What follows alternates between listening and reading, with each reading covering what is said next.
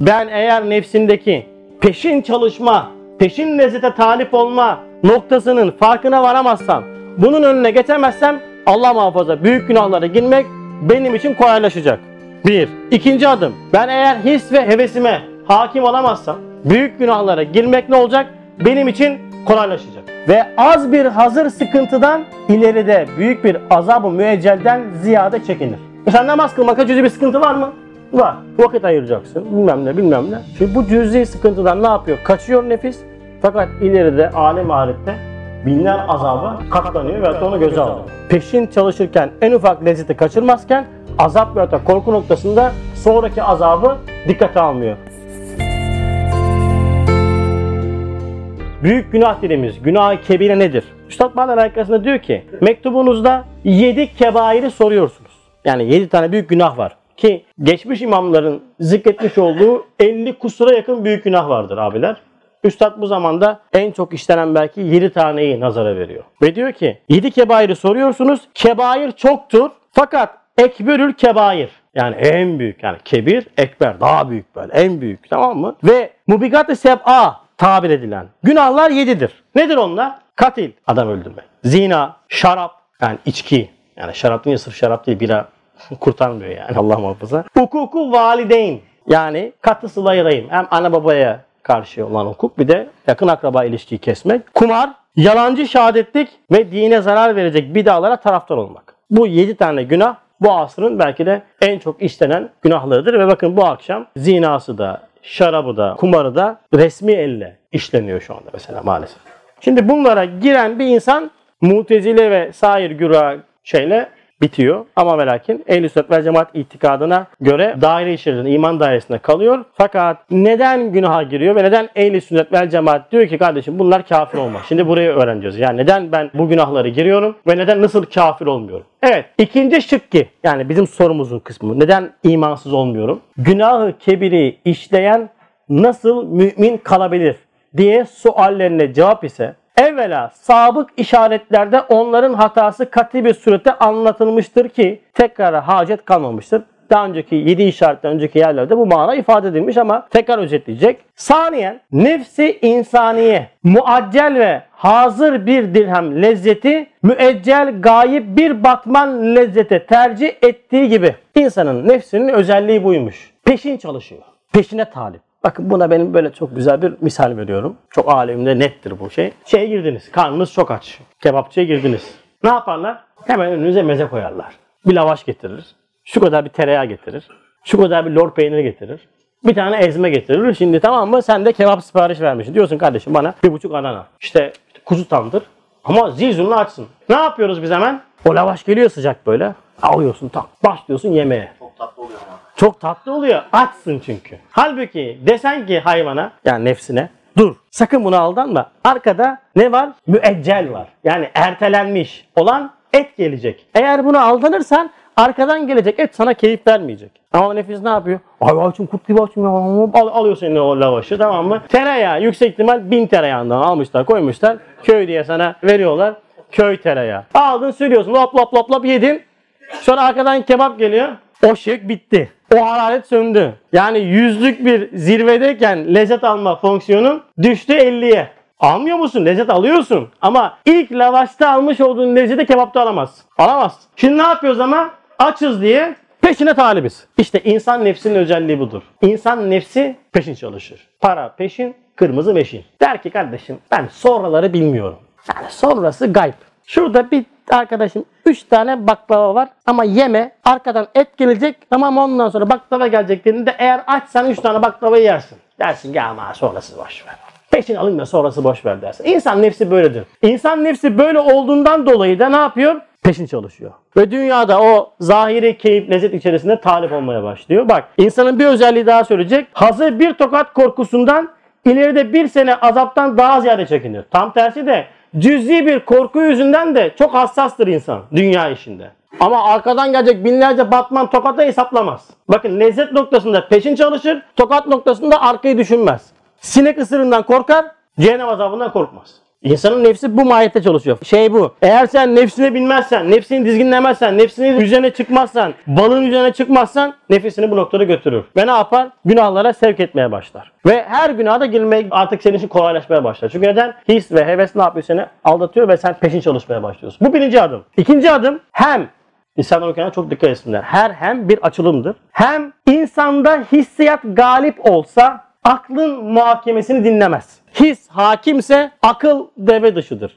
Özellikle kavgalarda, özellikle ikili mübaşiretlerde en büyük sıkıntımız budur. His baskın olduğundan dolayı biz ne yapıyoruz? Körü körüne gidiyoruz. İki tarafta erkek de aynı, kadın da aynı. Vura vura gidiyor gidiyor gidiyor gidiyor. Bu sefer ne oluyor? Akıl devre dışı kalıyor. Akıl devre dışı kaldığı için de zararı, menfaati, ileri geri düşünmüyor.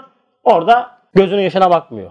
His baskın olduğunda. Heves ve vehmi hükmedip en az ve ehemmiyetsiz bir lezzeti hazırayı ileride gayet büyük bir mükafatı tercih eder. His baskın olunca anlık alacağı o lezzet peşinde olduğundan dolayı o lezzeti terk etse kendisine verilecek olan belki de o lezzetin çok çok üstünde bir lezzete talip olması lazımken ne yapıyor? O hazır lezzet yüzünden his ve hevese mağlup olması noktasında aldanıyor.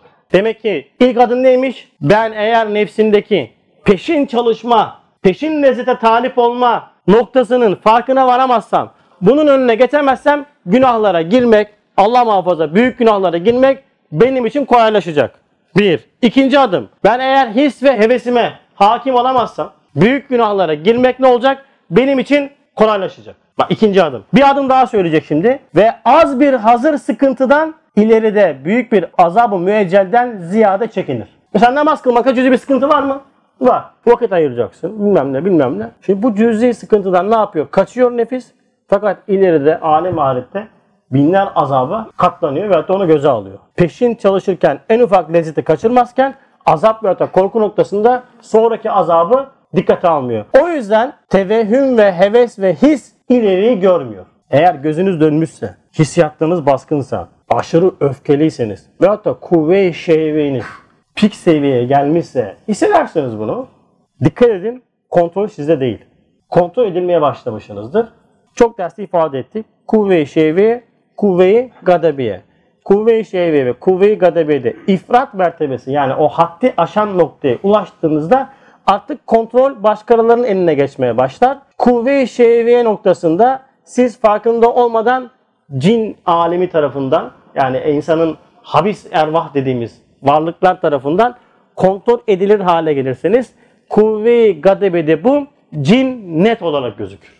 Sen net olarak bir varlık tarafından iş yaptırılır hale gelirsin. Adam öldürürsün, öldürürsün, vurursun, kırarsın, parçalarsın. Nasıl yaptın öyle cin net geçirdi. Kuvve-i şehve noktasında eğer kendinizi maddi manevi olarak bakın manevi ve maddi diyorum çünkü yediklerimiz de onun tetikleyicisi. Tamam mı? Maddi manevi olarak kendimizi muhafaza etmezsek kuvve-i şehvedeki üst seviyeye çıktığımızda ifratı böyle geçmeye başladığımızda başımız cinsellikle belaya girer tabiri caizse ve imtihan olur ve kendine ne yaparsın? Hakim olamazsın. Ona çok dikkatli olacağız. Baktık ki his hakim, heves hakim hemen el frenini çek.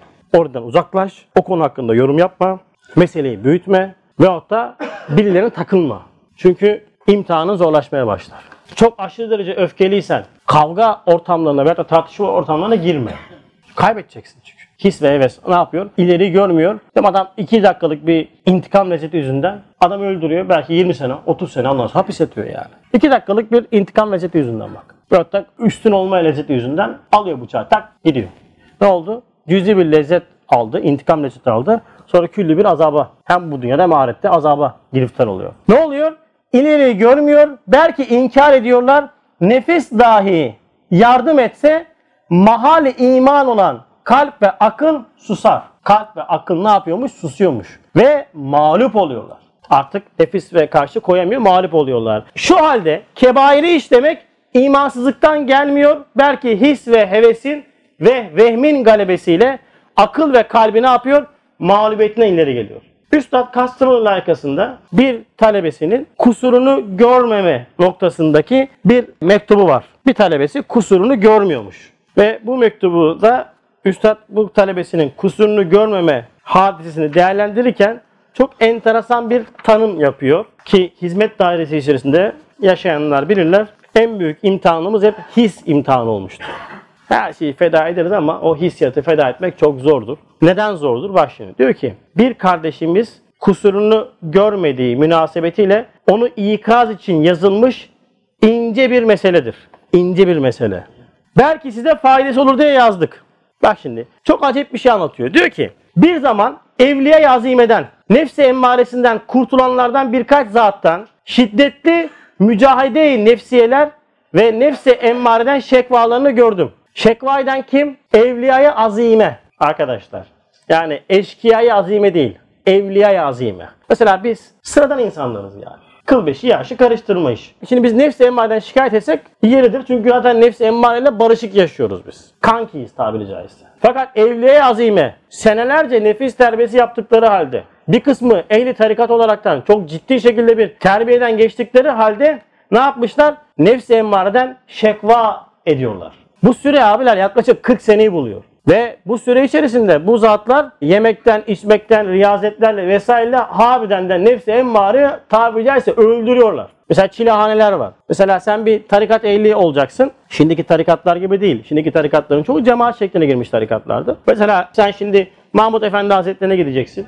Allah ondan razı olsun. Mahmut Efendi Hazretlerine gideceksin. O seni kabul edecek. Seni bir terbiyeden geçirmeye başlıyor. Bir seyri sülük diyorlar. Mesela sen belli bir seviyeye geldikten sonra seni çilehaneye sokuyor. Diyor ki sen burada diyor bir 40 gün kal. 40 gün boyunca sana şöyle bir parça kuru ekmek veriyorlar. Orada az uyku, kılleti taam, kılleti menam, kılleti kelam. Az yemek, az uyumak, az konuşmak. Yavaş yavaş beden dediğimiz bu kafesten ruh özgürlüğe kavuşmuş oluyor. 40 gün sonra dışarı çıkıyorsun. Tabi adam mübarek zat bakıyor sana. Oldun olmadın. Diyor ki bir 40 daha gir. Bir 40 daha giriyorsun. Yine aynı. Kuru ekmekler böyle falan. Tam riyazetler, ünlem neler. Çıkıyorsun. Bakıyor bakıyor. Diyor ki evlat diyor ya. Sen bir 40 daha girsen. Böyle 4-40 yapanlar var.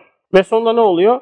Sen artık nefsi emmarını öldürmüş oluyorsun ve nefsi emmare sana hükmedemez oluyor. Tabi bu uzun bir süreç. Mesela 40 gün yaptık sonra işte hani bizim diyetler gibi 40 gün diyet yaptım. 41. gün abi götür kuzu tandırı bana falan böyle ondan sonra. Şeklindeki bir mana değil bu. Artık ömür boyu o standartta bir hayatta yaşamaya başlıyorlar ve artık yavaş yavaş velayet mertebesinde çıkıyor. İşte ne oluyor? Kalp gözü açılıyor. İşte bazı kelamları güzelleşiyor, suratı güzelleşiyor, ifadesi güzelleşiyor vesaire vesaire. İnsanı kamil oluyor. İşte böyle zatlar ne yapmışlar? Şekva etmişler. Diyorlar ki ya biz nefsi emardan çok şikayetçiyiz. Üstad diyor ki çok hayret ediyordum. Çok şaşırıyordum bu zatların bu şikayetinden dolayı. Hayli zaman sonra nefsi emmarenin kendi desaisinden başka daha şiddetli ve daha ziyade söz dinlemez. Daha ziyade ahlak-ı seyyi idame eden heves ve damar asap ve tabiat ve hissiyat haritasından çıkan ve nefsi emmarenin son tahassüngahı bulunan ve nefsi emmareyi teskiyeden sonra onun eski vazife-i seyyesini gören ve mücahideyi ahir ömre kadar devam ettiren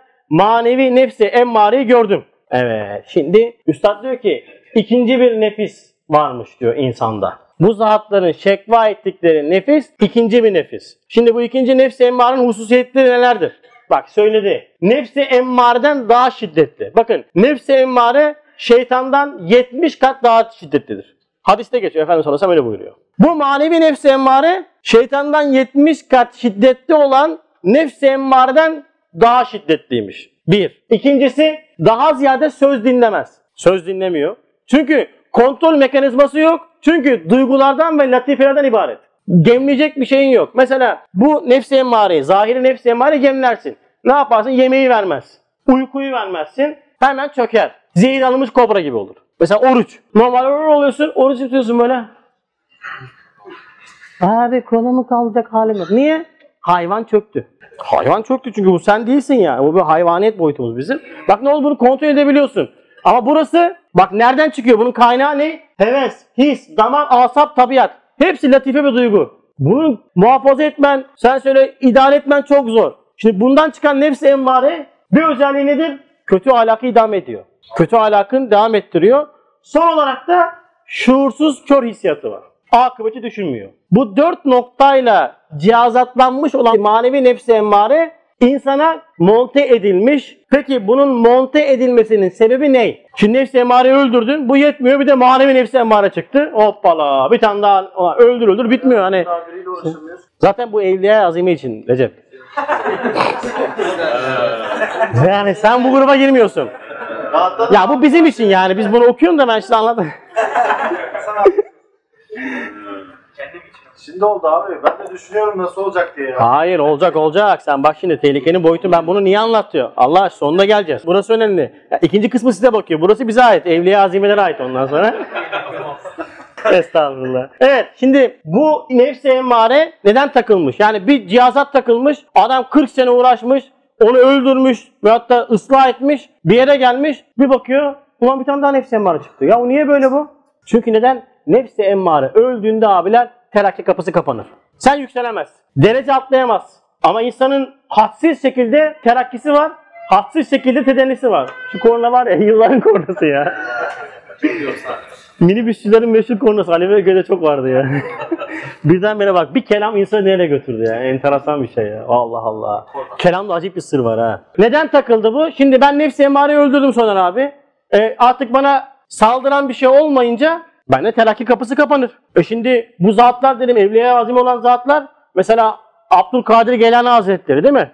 80 yıl boyunca manevi terakkatı bitmemiş. Yerdeyken de İsrafil Aleyhisselam'ın heykelini müşahede edebilen bir zat yani. Şu Acayip bir terakki kapısı var adamda yani. Hala hayatta gibi tasarrufat sahibi olan bir zat Allah'ın izniyle. İsmi Hay esmasına acip bir tecelliyata sahip. Ya Gafsı diyorsun ondan sonra. Tabi o frekansı yakalayabilenler için bir frekans, bir iletişim kurma imkanım var. Şimdi normal nefsi emmare ölünce manevi nefsi emmare devreye giriyor. Onunla mücadele ederekten terakki devam ediyor. Tık tık tık tık tık yukarı çıkıyor. Karşınızda zıtlık varsa terakki her zaman vardır. Bugün kalitesiz bir dava adamı olamamamızın temel sebebi karşımızda düşmanın olmaması ve hatta kaliteli düşmanın olmaması. 70'li yıllara bakın. Solcusu da kaliteli, dava adamı da kalitelidir. Özellikle 70'li yıllarda abilere bakın. Zübeyir abi anlatıyordu ondan sonra vesairelere bakın. Hatta üniversite çağındaki işte birçok abi var böyle hizmet dairesinde. Zıpkın gibi adamların çoğunun karşısında zıpkın gibi solcusu var. Şimdi solcu ayrı imtihan, biz ayrı imtihan.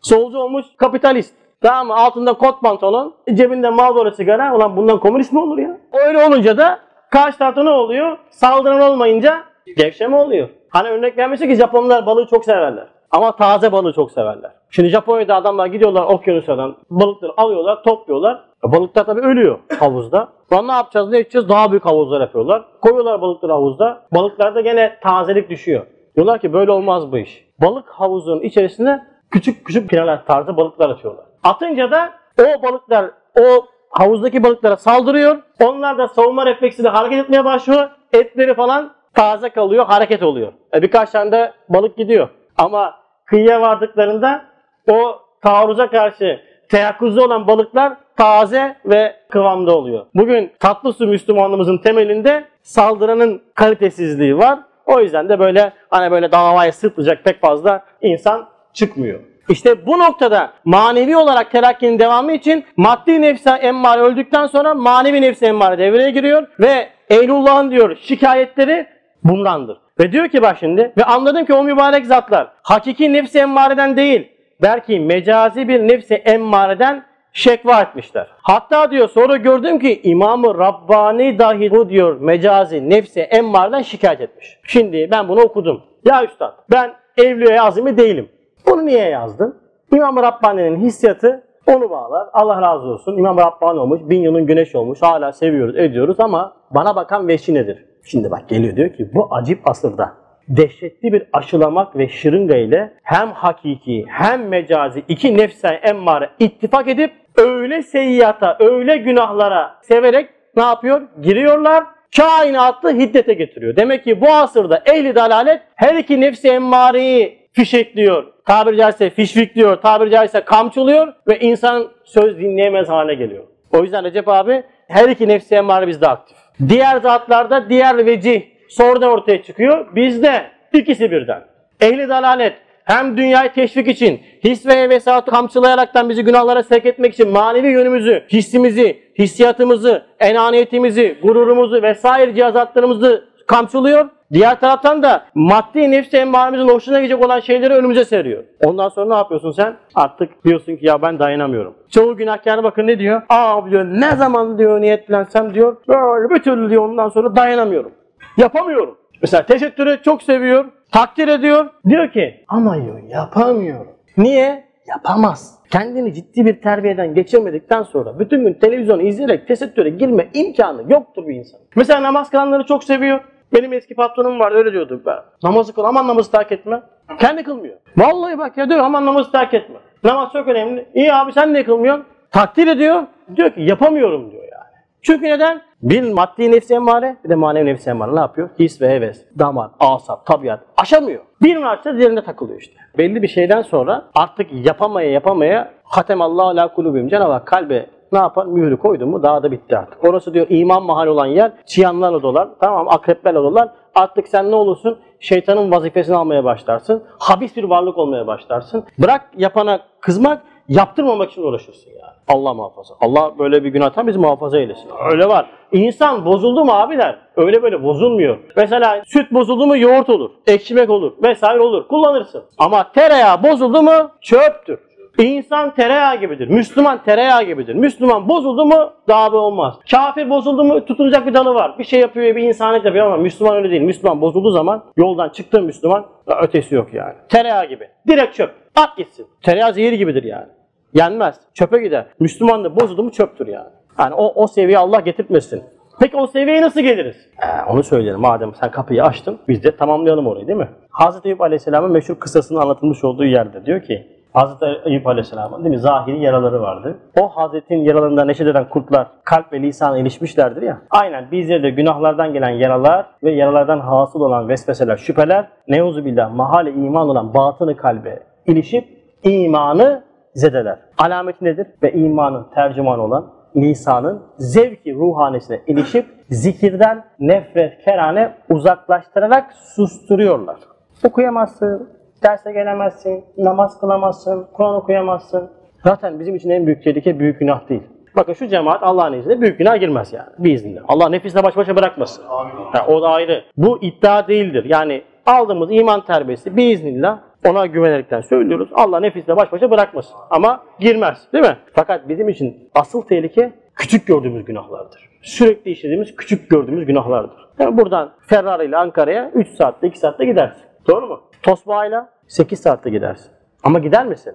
Gidersin. O yüzden diyor Üstad her bir günahta küfre gidecek bir yol vardır. Bakın büyük günahta demiyor. Her bir günahta küfre gidecek yol vardır. Şu anda biz mesela çok basit gördüğümüz günahları çok rahat işliyoruz yani. Ve artık günah şeyimize girmiyor. Yani günah değil bizim için artık orada. Standarda bağlamış. Opsiyonel değil. Yani. Standart olmuş yani. O yüzden o hale geliyorsun. Yavaş yavaş günah günah diyor. İmanı ne yapar? Siyahlandıra siyahlandıra ta diyor nur imanı çıkarıncaya kadar katılaştırıyor. Sonra bittikten sonra artık daha oraya iman girmiyor yani. Allah muhafaza. Evet.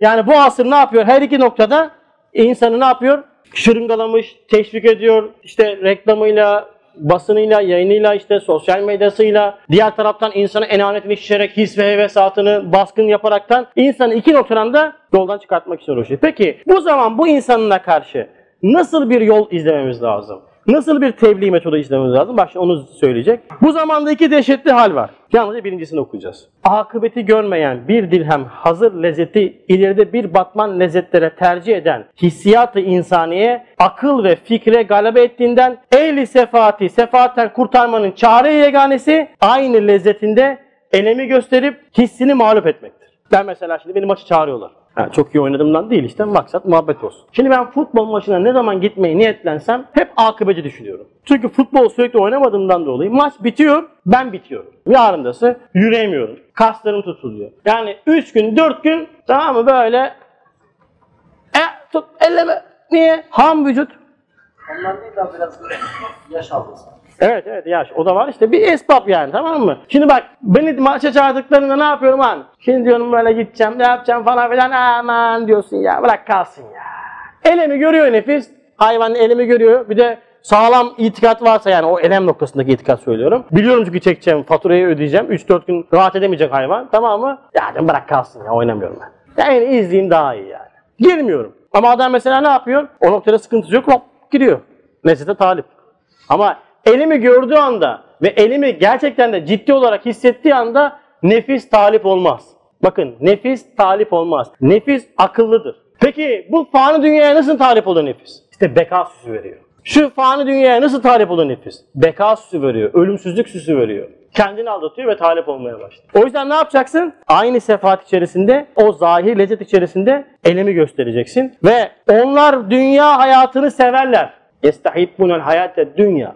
Onlar da dünya hayatını severler. Ve devam ediyor. Bilerek diyor, tercih ederler. Neye? Ahireti bildikleri halde.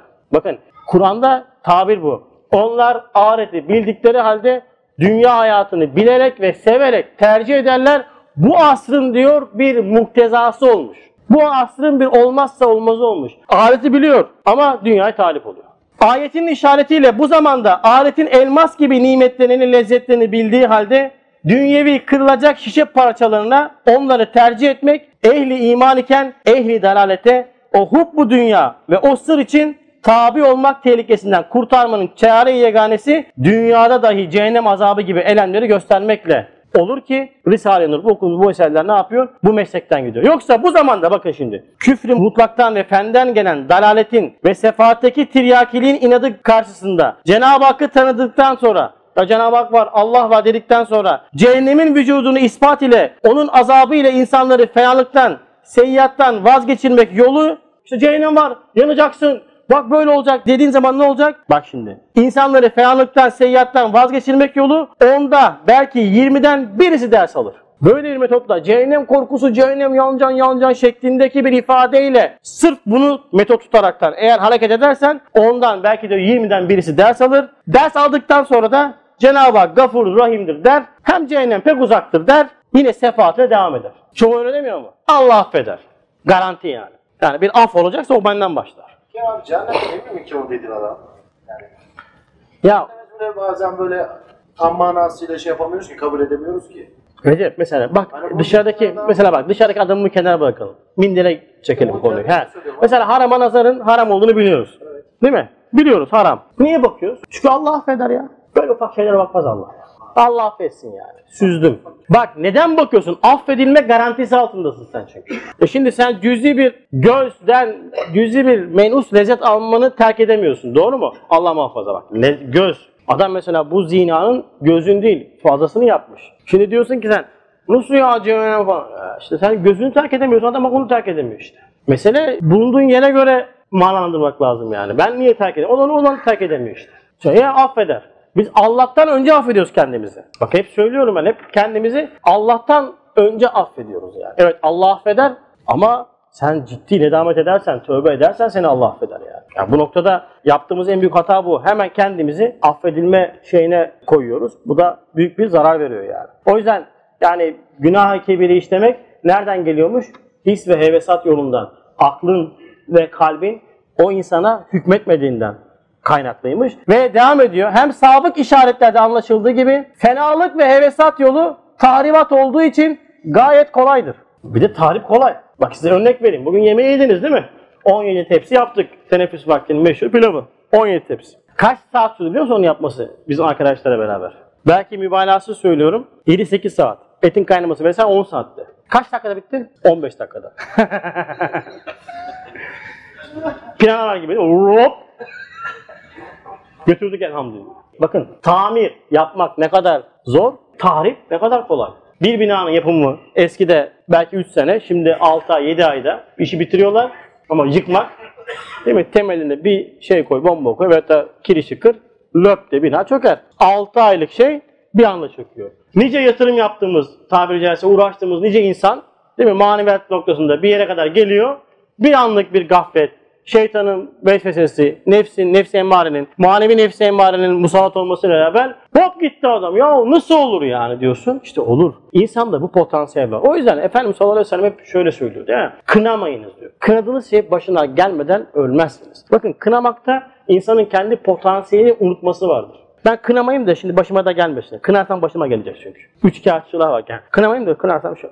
Bu değil abicim. Bu buradaki şeye dikkat et. Kınadığın şey, kınadığın kişi bir insan. Ve insanda esveli safinin ala iyiliğin dediğimiz en üst seviyeye çıkma, en alt seviyeye inme potansiyeli var. Hepimizde potansiyel olarak bir Ebu Cehil yatıyor. Hepimizde potansiyel olarak bir Ebu Bekir radıyallahu anh yatıyor. Efendimiz sallallahu aleyhi ve buyuruyor ki aman he sen bazı günahları işlemiyorum diye sakın böbürlenme. İnsanları kınama eğer sen o günahları işlemiyorsan, o hataları yapmıyorsan bu senin Allah'ın senin üzerindeki rahmetidir, seni muhafaza etmesidir. Bir an olur baş başa bırakır, tık diye yoldan çıkarsın. Öyle değil mi? Bazen Allah inayetini bir azaltıyor günahlarımızdan dolayı. Olmadık işler yapıyoruz. Lan diyorsun ya olmadı diyorsun vesaire diyorsun Allah'tan kimse yok Allah görüyor elhamdülillah. Allah'tan Allah görüyor yani. İnsanlar görse ifşa ederler. Ama Allah ne yapıyor? Settar esmasıyla örtüyor. Diyor ki bak ha bu sana da ders olsun. O yüzden Efendimiz sallallahu aleyhi ne buyuruyor? Allah'ım beni göz açıp kapayıncaya kadar bile nefsimle baş başa bırakma. Bu bir duadır. Peygamberi nübüvvet pe- çizgisinde bize bir derstir yani. Kendimize güvenmeyeceğiz. His ve hevesin hakim olmuş olduğu, nefsi emmarenin hakim olmuş olduğu bu asırda büyük günahları işleme potansiyeli hepimiz sahibiz. Her an her şey olabilir yani. Ve bunun neticesinde fenalık ve tarif kolay olduğundan bir anda yıkım kolaylaşır. Şeytanı ins ve cinni çabuk insanları o yola sevk ediyor. Bak gayet cayi hayret bir haldir ki alemi bekanın nasıl hadisle sinek kanadı kadar bir nuru ebedi olduğu için bir insanın müddeti ömründe dünyadan aldığı lezzet ve nimete mukabil geldiği halde bazı bir insanlar bir sinek kanadı kadar bu fani dünyanın lezzetini o baki alemin bu fani dünyasında değer lezzetlerine tercih edip şeytanın arkasından gider. Bakın dünyanın diyor en büyük lezzeti ahirete nispeten sinek kanadı kadar değeri yoktur. Bir ispatta dünyanın diyor en şaşalı yeri ahirete nispeten bir zindan hükmündedir diyor. Mesela dünyanın en şaşalı yeri ne aklınıza geliyor? İşte Maldivler olsun böyle aklımıza gelen o güzel yerleri düşünün. Orası zindan. Şimdi zindanı öyle olan bir yerin sarayı nasıldır? İdraki meali bu küçük akla gerekmez. Zira diyor bu terazi bu kadar sıkıntı çekmez. Ne göz görmüş, ne kulak işitmiş, ne de kalbi beşere hutur etmiştir. Böyle bir yer var. Hepimiz biliyor muyuz? Cennetin bu kadar âli olduğunu hepimiz biliyor muyuz? Bu fani dünyanın geçici olduğunu biliyor muyuz? Ama çoğu zaman ne yapıyoruz? Uyuşkurucuk fani dünya için birçok dünyaya girmiyor muyuz? Birçok manevi sorumluluklarımızı kenara atmıyor muyuz? Bazılarımız namazı terk etmiyor muyuz? Bazılarımız harama faize girmiyor muyuz? Niye? Üç kuruşluk dünya yüzünden. Ve bu ilerleyen safhalarda büyük günahlara doğru yavaş yavaş gitmeye başlıyor. O yüzdendir Kur'an-ı Hakim müminleri pek çok tekrar ve ısrar ile tehdit ve teşvik ile günahtan zevç ve hayra sevk ediyor. O yüzden Kur'an-ı Kerim ne yapıyormuş bize? Sürekli uyarıyor, ikaz ediyor. Dikkat et, aman ha dikkat et, aman ha dikkat et. Teşvik ediyor, cennet için tehdit ediyor, cehennemde. Diyor ki istikamette kal. O yüzden Kur'an-ı Kerim'deki ikazlar, uyarılar, haramlar, helaller bakın hayatımızın önündeki engeller değildir abiler. Bunu doğru tanımlamak lazım. Haramlar, helaller, ikazlar, uyarılar, teşvikler bize hayattaki istikameti bulmamız, hayattaki istikameti sağlamamız içindir. Örnek otobandaki şeritler ne yapar? Seni istikamete tutar. Bariyerler seni istikamete tutar. Şimdi sen bariyeri engel olarak görürsen, şeritleri engel olarak görürsen ne olur? Zikzak içinde gidersin. İlla ki bir gün gelir kaza yaparsın. O yüzden Kur'an ve sünnetin ikaz ve uyarıları bizi bu büyük günahlara ne yapar? Sokmamak için, istikametli bir insan olmamız için ikaz eder, uyarır. O yüzden büyük günahlara giren kişiler kafir olmaz. Bir insanın kafir olması için haşa ve haşa Allah yoktur demesi lazım. Veyahut da bir iman hakikatinin bir tanesini zahir olarak inkar etmesi lazım. Bunu yapmayan bir kişiye sen kafir dediğinde Efendimiz sallallahu aleyhi ve ne buyuruyor? Bir kişi bir kişiyi küfürle, kafirlikle itham ettiğinde o iki kişiden birisi kafir olur diyor. Adam büyük günahlara giriyor diyor ki kardeşim ben Müslümanım. Ama ben büyük günah giriyorum. Allah beni affetsin. E sen de bu adama kafir dedin. Kim kafir oldu? Söyleyen kişi. Kimseye etiket vurmak bizim vazifemiz değil. O yüzden büyük günahlara girenler kafir olmazlar, günahkar olurlar. Tövbe kapısı açıktır. Bir tövbeyle Cenab-ı Hak onların yapmış olduğu bütün günahları affeder. Allah tövbeyi nasip etsin inşallah. İnşallah şu zamanda, bu saatlerde büyük günahlara giren insanların günahlarını Cenab-ı Hak affetsin. Allah onları o günah yoluna sevk eden, nefsi emmareden, şeytandan, şeytanlaşmış insanlardan muhafaza etsin, uzaklaştırsın. Onların da hidayetlerini bizleri vesile kılsın.